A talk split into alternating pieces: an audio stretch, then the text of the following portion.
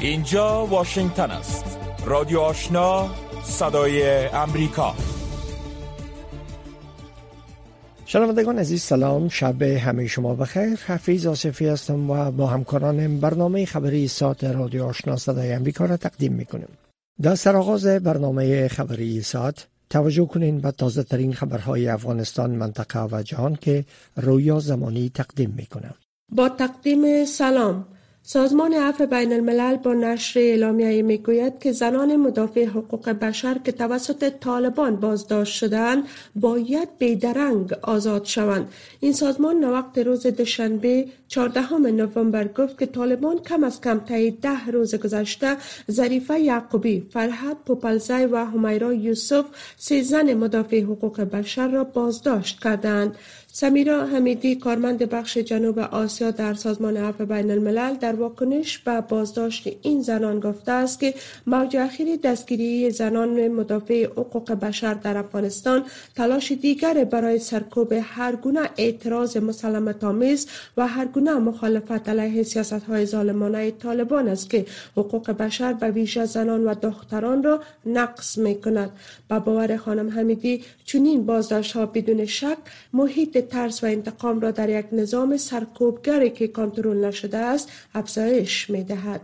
در اعلامیه عفو بین الملل آمده است که طالبان به عنوان مقامات فیلی باید قوانین و استانداردهای بین المللی حقوق بشری را رعایت کنند و فورا و بدون قید و شرط این زنان مدافع حقوق بشر و همکارانشان را که صرفا به دلیل استفاده مسلط از حقوق خود در آزادی بیان و اجتماع بازداشت شدند آزاد کنند.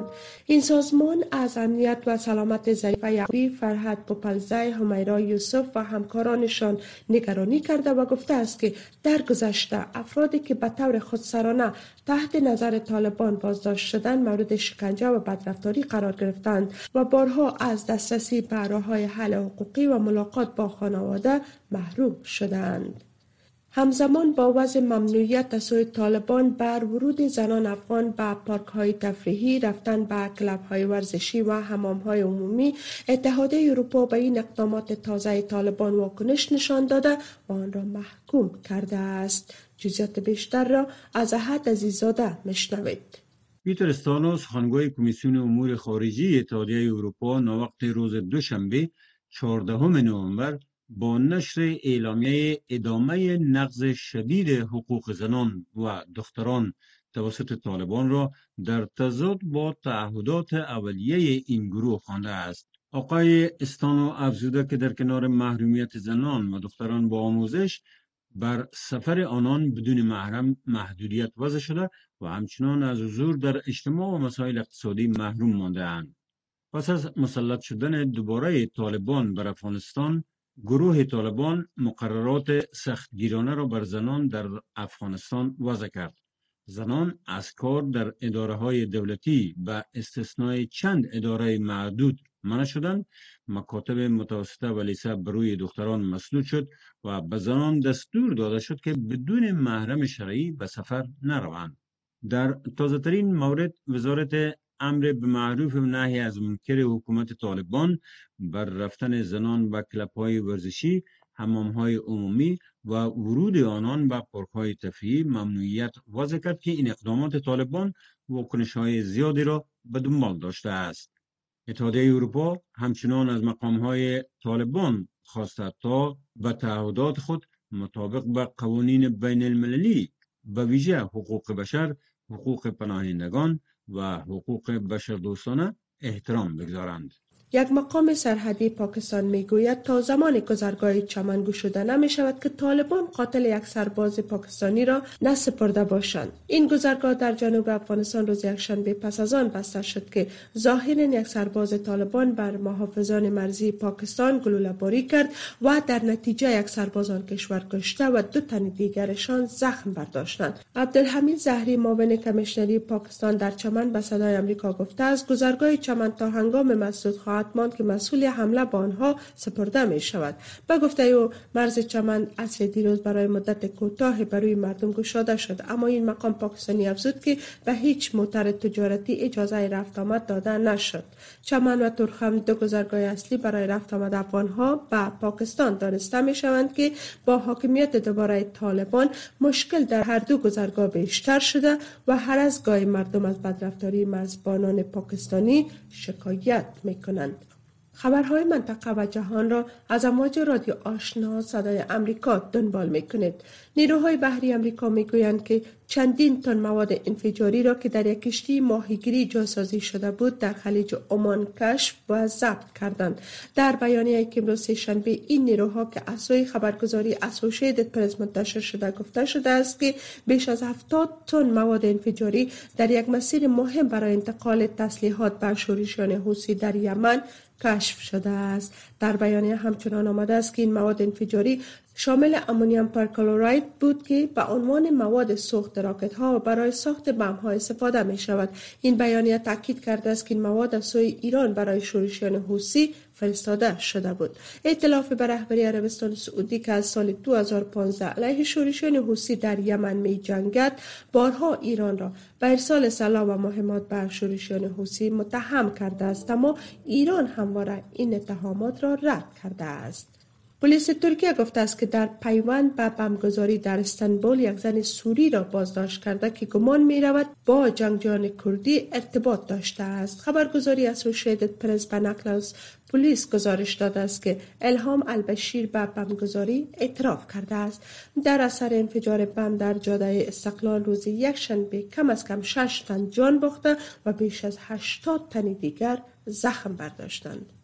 به نظر می رسد که رهبران بزرگترین اقتصادهای جهان امروز شنبه برای ارسال پیام قوی تر به روسیه مبنی بر محکومیت آن کشور به دلیل حمله بر اوکراین آماده بودند زیرا جو بایدن رئیس جمهور آمریکا و ولادیمیر زلنسکی رئیس جمهور اوکراین این گروه را تحت فشار قرار دادند تا فشارها بر مسکو را در مورد جنگ نماهایی که اوکراین را به ایران کرد و اقتصاد جهانی را با مشکلات مواجه ساخته است حفظ کنند.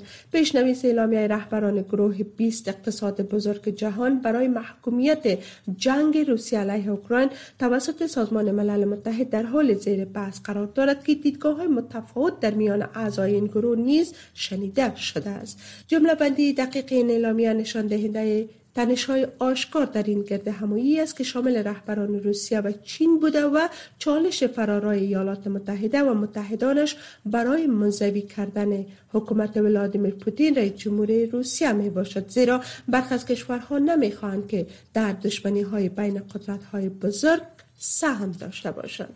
در خبر دیگر هونسن صدر کمبودیا امروز شنبه گفت که او مبتلا به کووید 19 است و به همین دلیل نشست بولی را در حال ترک می کند که او فقط چند روز پیش میزبان جو بایدن و سایر رهبران جهان در این نشست بود. تشخیص ویروس کرونا در حال در نزین مقام کمبودیایی صورت گرفته است که سران اقتصادهای گروه 20 و دیگر کشورها در نشست دروزه در جزیره اندونزیا کرده هم آمدند. او جلسات خود را در جمع رهبران گروه 20 جهان و همچنان نشست مجمع اقتصادی پک در در بینکاک را لغو کرد. ولادیمیر زلنسکی رئیس جمهور اوکراین روز سهشنبه بازپسگیری شهر خرسون در جنوب این کشور را با روز دید در فرانسه یا پیروزی نیروهای متحد در جنگ جهانی دوم تشبیه کرد و گفت که هر دو رویداد در نهایت به پیروزی انجامید آقای زلنسکی که از طریق ارتباط ویدیویی با نشست سران گروه 20 در اندونزیا صحبت می‌کرد گفت که آزادی خرسون پس از هشت ماه اشغال روسیه یادآور بسیاری از جنگ ها در گذشته است که تغییر دهنده مسیر آنها بوده است. بازپسگیری شهر خرسون اوکراین یک از بزرگترین موفقیت اوکراین در درگیری نماها در این کشور بوده است که ضربه قوی به نیروهای کرملین زد. اما های بزرگ از شرق و جنوب اوکراین تحت کنترل روسیه باقی مانده و جنگ ادامه دارد. مقام های اوکراینی امروز شنبه از کشته شدن یک غیر نظامی دیگر از اثر گلوله باران روسیه در شرق اوکراین گزارش دادند و به این ترتیب بر تلفات سنگینی که تا حال ده ها هزار کشته و زخمی بر جا گذاشته است افزود. رئیس جمهور اوکراین می‌گوید که نیروهای روسی تمامی زیربناهای حیاتی در شهر خرسون را از بین بردند. ولادیمیر زلنسکی در پیام ویدیویی شب گذشتهش گفت که برق سیستم مخابرات و شبکه های تلویزیونی به صورت عمدی هنگام خروج توسط نیروهای روسی تخریب شدند. مقام های اردوی اوکراین روز جمعه از آغاز ورود نیروهای این کشور به شهر خرسون خبر دادند. قرار است دونالد ترامپ رئیس جمهوری ایالات متحده آمریکا مبارزات انتخاباتی خود را برای بار سوم امروز شنبه را اندازی کند. و این در حالی است که او می‌خواد با وجود شکست حزب جمهوری خواهان در انتخابات میان دوره این کشور و پیش برود و با کاهش محبوبیت خود در بین جمهوری خواهان نیز مبارزه کند. آقای ترامپ امیدوار بود که با استفاده از پیروزی جمهوری خواهان در انتخابات هفته گذشته میان دوره این کشور به نفع نامزدی خود استفاده کند. اما در عوض آقای ترامپ مقصر باخت تعدادی از نامزدهای جمهوری خواه برای کرسی سنا پنداشته می شود. و این در حال است که نتایج انتخابات برای مجلس نمایندگان این کشور هنوز مشخص نیست. و در خبر اخیر این که تیم فوتبال زیر 14 سال افغانستان پس از شکست دادن تیم های ایران و ترکمنستان به روز چهارشنبه به مساف ازبکستان می رود این رقابت به سلسله رقابت های مرکز آسیا در تاجیکستان برگزار خواهد شد. فدراسیون فوتبال افغانستان می که امیدواری زیادی برای قهرمان شدن افغانستان در این رقابت ها وجود دارد. افغانستان در بازی نخست ایران را که مدعی قهرمانی بود با نتیجه یک سفر و ترکمنستان را از پیش رو برداشت. رقابت های فوتبال زیر 14 سال مرکز آسیا در تاجیکستان میان چهار کشور افغانستان، تاجیکستان، ترکمنستان و ازبکستان نهم نوامبر آغاز شد و 19 نوامبر تمام می شود. شنونده های محترم این بود مشروع خبرها تا این لحظه. از امواج رادیو آشنا صدای امریکا. شنوندگان گرامی رادیو آشنا صدای امریکا. نشرات رادیو آشنا را در موج متوسط 1296 موج کوتاه 11575 اعشاری صفر و در موج 972 کیلوهرتز شنیده می توانید. خبرهای افغانستان منطقه و جهان از رادیو آشنا صدای امریکا شنیدین آل هم گزارش های ای برنامه سازمان عفو بین الملل و شمار از فعالان حقوق زن خواستار ارائه فوری مدافعان حقوق زن از بند طالبان شدند. ای در حالی است که به گفته ای سازمان طالبان کم از کم طی در روز گذشته سه مدافع حقوق بشر را بازداشت کردند. جزیات بیشتر در این گزارش مشنوین سازمان عفو بین الملل با نشر اعلامیه می‌گوید که زنان مدافع حقوق بشر که توسط طالبان بازداشت شده اند باید بیدرنگ آزاد شوند.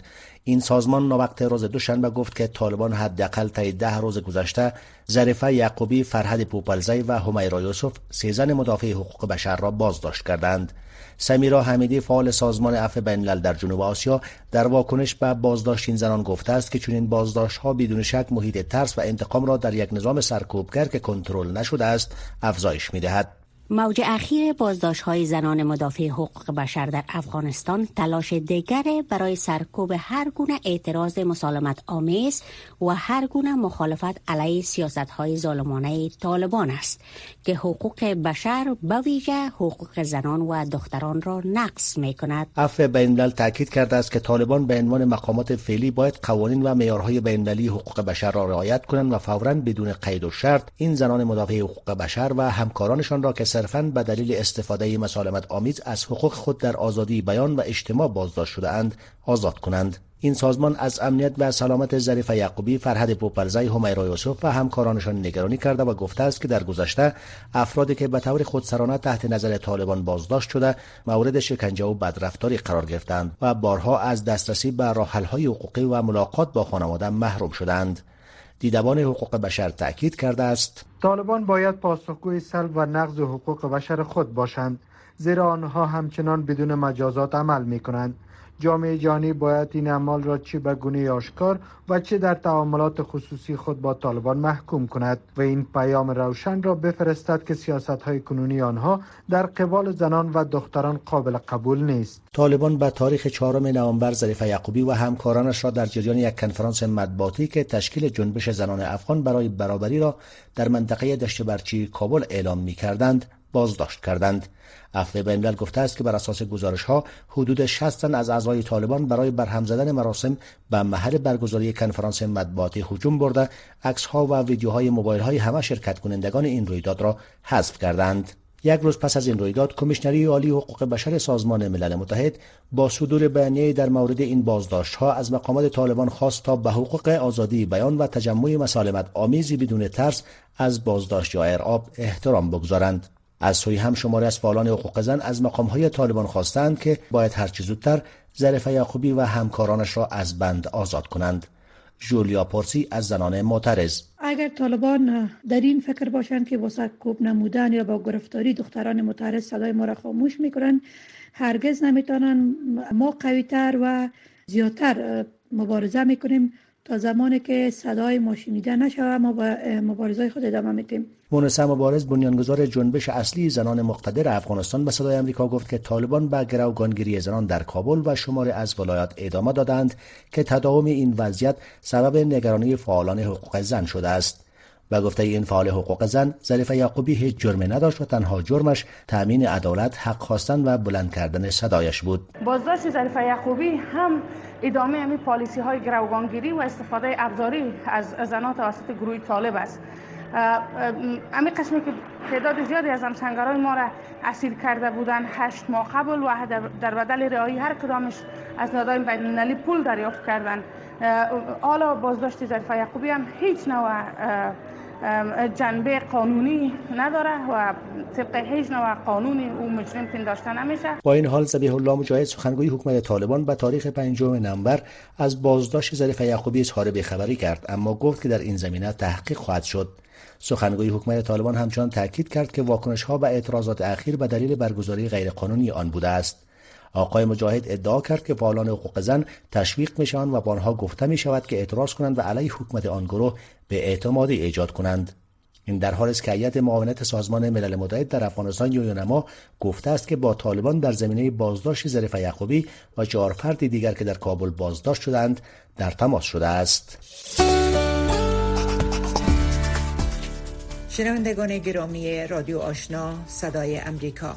نشرات رادیو آشنا را در موج متوسط 1296 موج کوتاه 11575 اشاری سفر و در موج 972 کیلوهرتز شنیده می توانید.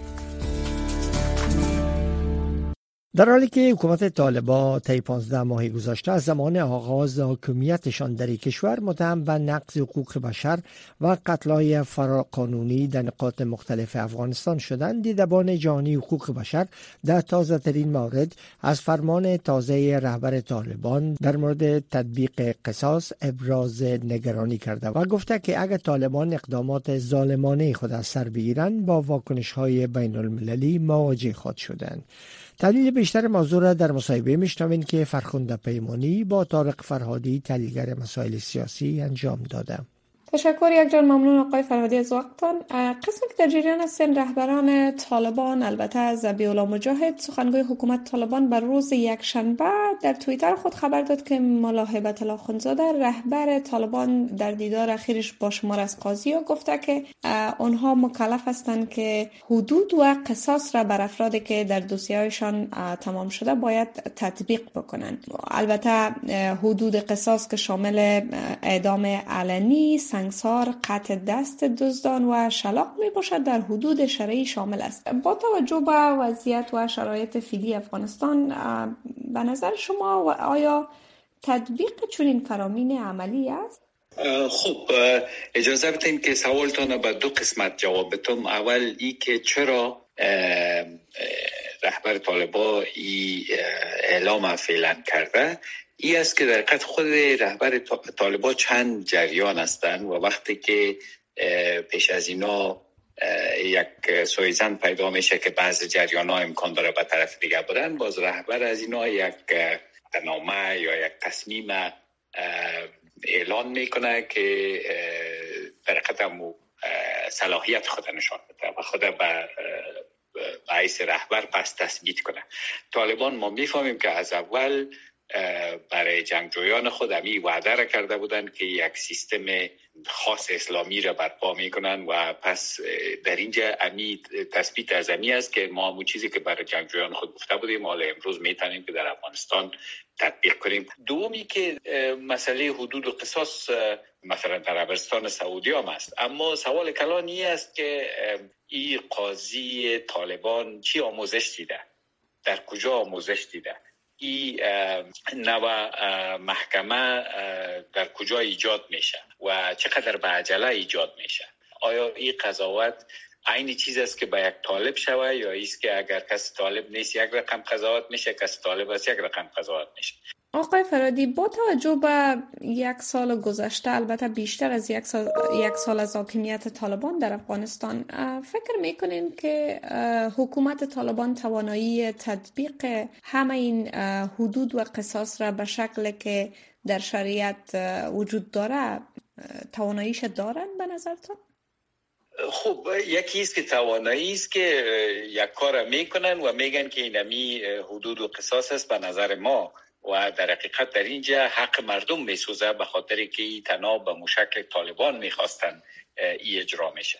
و طالبان اگر تمام علما را جمع می‌کردن اما اگر مثلا همگی لبیک می‌گفتن که بله اینجا قانون جزا است و اینجا حدود قصاص هم وجود داره و ما می‌تونیم که ایران را انتخاب کنیم. اگر کلگی علمای مذاهب مختلف افغانستان و قوم مختلف می‌گفتن که بله در اون صورت اینا می‌تونستن. اما این یک تصمیم طالبان از طالبان یک گروه هستن در یک مدرسه رفتن و یک برداشتی دارن از دین اسلام و و یک گروه سیاسی هم هستن. پس اینا دین هم برای سیاست استفاده می‌کنن. مشکلات از این از قرار است که در حقیقت اینا دین برای سیاست استفاده می‌کنن و در تطبیق از این تصامیم خود هم کسانی که اینا قاضی میگمارن از خود طالبا هستن از دیگر بخش های مردم نیستن. اینی مشکلات ایجاد می‌کنه که در حقیقت ما می‌تونیم بگوییم که یک یک محکمه طالبانی است در حقیقت. بله. خب البته می‌تونیم بگوییم که طالبان در دوره اول حاکمیتشان میان سالهای 1996 الی 2001 میلادی هم حدود شرعی در افغانستان به اجرا در آورده بودن و که با نیکویش گسترده بین المللی مواجه شدن که در تازه ترین مورد هم می‌تونیم گفته های پاتریشیا گاسمن معاون بخش آسیا در نهاد را ما یادآوری بکنیم که گفته اگر طالبان اقدامات ظالمانه را سر بگیرن سزاوار نکویش بین المللی خود بودند به نظر شما در وضعیت که فعلا طالبان خودشان متهم به نقض حقوق بشر و قتلای فراقانونی در افغانستان هستند واکنش کشورهای جهانی و نهادهای حقوق بشری چی خواهد بود؟ بله دقیقا. یک چیزی که شما در آخر گفتین که طالبان خودشان هم متهم به نقص حقوق بشر اینا هستن. این می سوال است که آیا همین حدود و قصاص به خود جنگجویان طالبان هم تطبیق میشه یا نه؟ مثلا در پنجشیر آل خود طالبان هم تقریبا گفتن که یک صحوه شده اینطور گفتن که مردم تیرباران شده. درست؟ حال امو کسانی که مردم تیرباران کرده بودن اونا چی رقم میشه امراشون؟ آیا همین محکمه حدود و قصاص به مردم پنشیر باز اجازه میده که برن حق العبد خود بخواین مثلا نه؟ کل سوال ده است که وقتی که خود محاکم برای طالبان یک رقم می باشن و بر باقی مردم یک رقم می باشن یا برای طالبان یک رقم می باشن یا حقوق زنان از زیر فشار می گیرن نظر به فهم خودشان از یک طرز تفکری که نسبت به دین دارن اینجاست که مشکل پیدا میشه. و اینجاست که در حقیقت اجماع علما که وجود نداشته باشه این تقریبا یک محکمه طالبانی است و به او خاطر است که قابل قبول نیست. رادیو آشنا صدای امریکا هفت روز هفته. خبر و گزارش ها و تحلیل های خبری روز. طبق گزارش های یک مقام محلی پاکستان به روز دوشنبه گفته که پس از درگیری بین نیروهای امنیتی پاکستان و طالبان گذرگاه سرحدی چمن که یکی از سرحدات عمده بین دو کشور است بر روی تجارت و ترانزیت مسدود شده. در مورد مناقشات سرحدی بین دو کشور و چگونگی بازگشایی گذرگاه چمن نسرین محمود عزیزی مصاحبه با دکتر محمد هاشم دانش تحلیلگر امور سیاسی انجام داده که اینک تقدیم میشه. جناب دکتر دانش استدلال شما از برخورد سرحدی و واکنش پاکستان چی است؟ آیا این بیشتر یک جنبه نمایشی داره؟ ببینین اولا خب پاکستان در دو بندر خود سپین بولدک و بندر ترخم همیشه به افغان ها برخورد های توهین آمیز و تحقیر آمیز را کرده در ایسته تجارت پاکستان بدترین برخورد داره نسبت به افغان ها در طول تاریخ داشتن. یعنی ای که عمدن و قصدن وقتی که می‌فهمه که مالاری های افغان ها میوه تازه بار دارد و مدت چند روز ناحق اینا را استاد می‌کنه تا زمانی که میوهشان از بین بره و خراب بشه. که پاکستان به این اعمال خود به میلیون ها میلیون ضرر برای مردم افغانستان وارد کرده. عملی که در سپین بولدک اتفاق افتاد هم عین امی قضیه بوده که با یکی از پلیس پاکستان و خانم هایی که در او طرف مرز می‌خواستن تیر شوند برخورد توهین را و تحقیر کردن و در شواهد هم وجود دارد که پاکستانیا دست انداخته. به یک نفر اقدام به همچون یک کار را کرده بود و یک نفر از پاکستانیا را کشته. این طرف مرز خود به طالبان تسلیم کردن بعد از اینکه پاکستانی ها هر قدر پافشاری کردن که نفر بر ما تسلیم بدین طالبان تسلیم ندادن امروز امارت طالبان اعلامیه ای داد که ما آیت بلندپایی کردیم بررسی موضوع در حال حاضر که حکومت طالبان از سوی شمار زیادی از کشورها در انزوا قرار داده شده آیا پاکستان تلاش می‌کنه که ظاهرا از حکومت طالبان و سیاست های سختگیرانیشان فاصله بگیره؟ به هیچ عنوان پاکستان مفکورهش در مورد افغانستان ایست که افغانستان صوبه پنجم پاکستان باشد. در ترانزیت مواد تجارتی یک جانبه یعنی تمام سود و مفادش تجار پاکستانی صاحب بشه. و افغان ها برخورد بسیار تحقیرآمیزی مثل یک کشور حاکم با یک کشور محکوم می‌کنند. به این لحاظ هستند که این موضوع باعث واکنش افغان های نه طالبا بلکه این عمل توسط یک افغان که ارتباط به امارت طالبان داره انجام شده و مناقشه سرحدی بین افغانستان و پاکستان از چندین دهه به این طرف طوری که شما اشاره کردین وجود داشته و تلاش های ام برای ممانعت از برنامه حسارکشی پاکستان صورت گرفته این مناقشات چه توجیه داره و آیا ادامه خواهد داشت؟ ببینید پاکستان را یک حکومت یک دست نیست. پاکستان حکومت ملکیش یک طرف روان است و سیاست فوج پاکستان و ایسای پاکستان چیز دیگی است. اکثرا وقتی که حکومت در سفرهایی که رئیس جمهورا کردن همیشن وزیرای تجارت کردن و حسنیت بسیار تفاهم نامه های را امضا کردن. اما این برخورد خسمانه فوج پاکستان و های پاکستان هستند که همیشه در قبال افغان ها چنین چیزی را روا داشتن و اکثرا پروژه های را هم به نام طالب و مجاهد دست پرورده اونمو گروپ هستند. یعنی های و فوج پاکستان هستند. به این لحاظ خساراتش بر مردم افغانستان و به این لحاظ مردم پاکستان هم از این برخوردها و از این اختلافات متضرر است. اما از نظر اقتصادی اما از نظر اجتماعی. تشکر از وقتتان.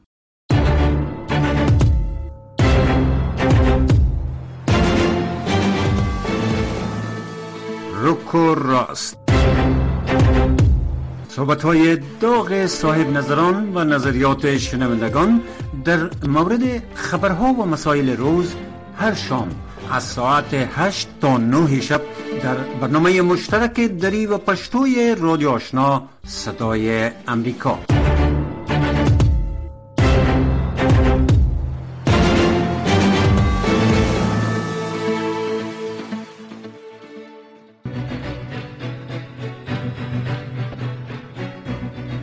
عزیز ای بود داشته های برنامه خبری که در همین جا به پایان رسید. اما نشرات پشتو و دری رادیو آشنا صدای امریکا همچنان ادامه داره شنونده رادیو آشنا باشید.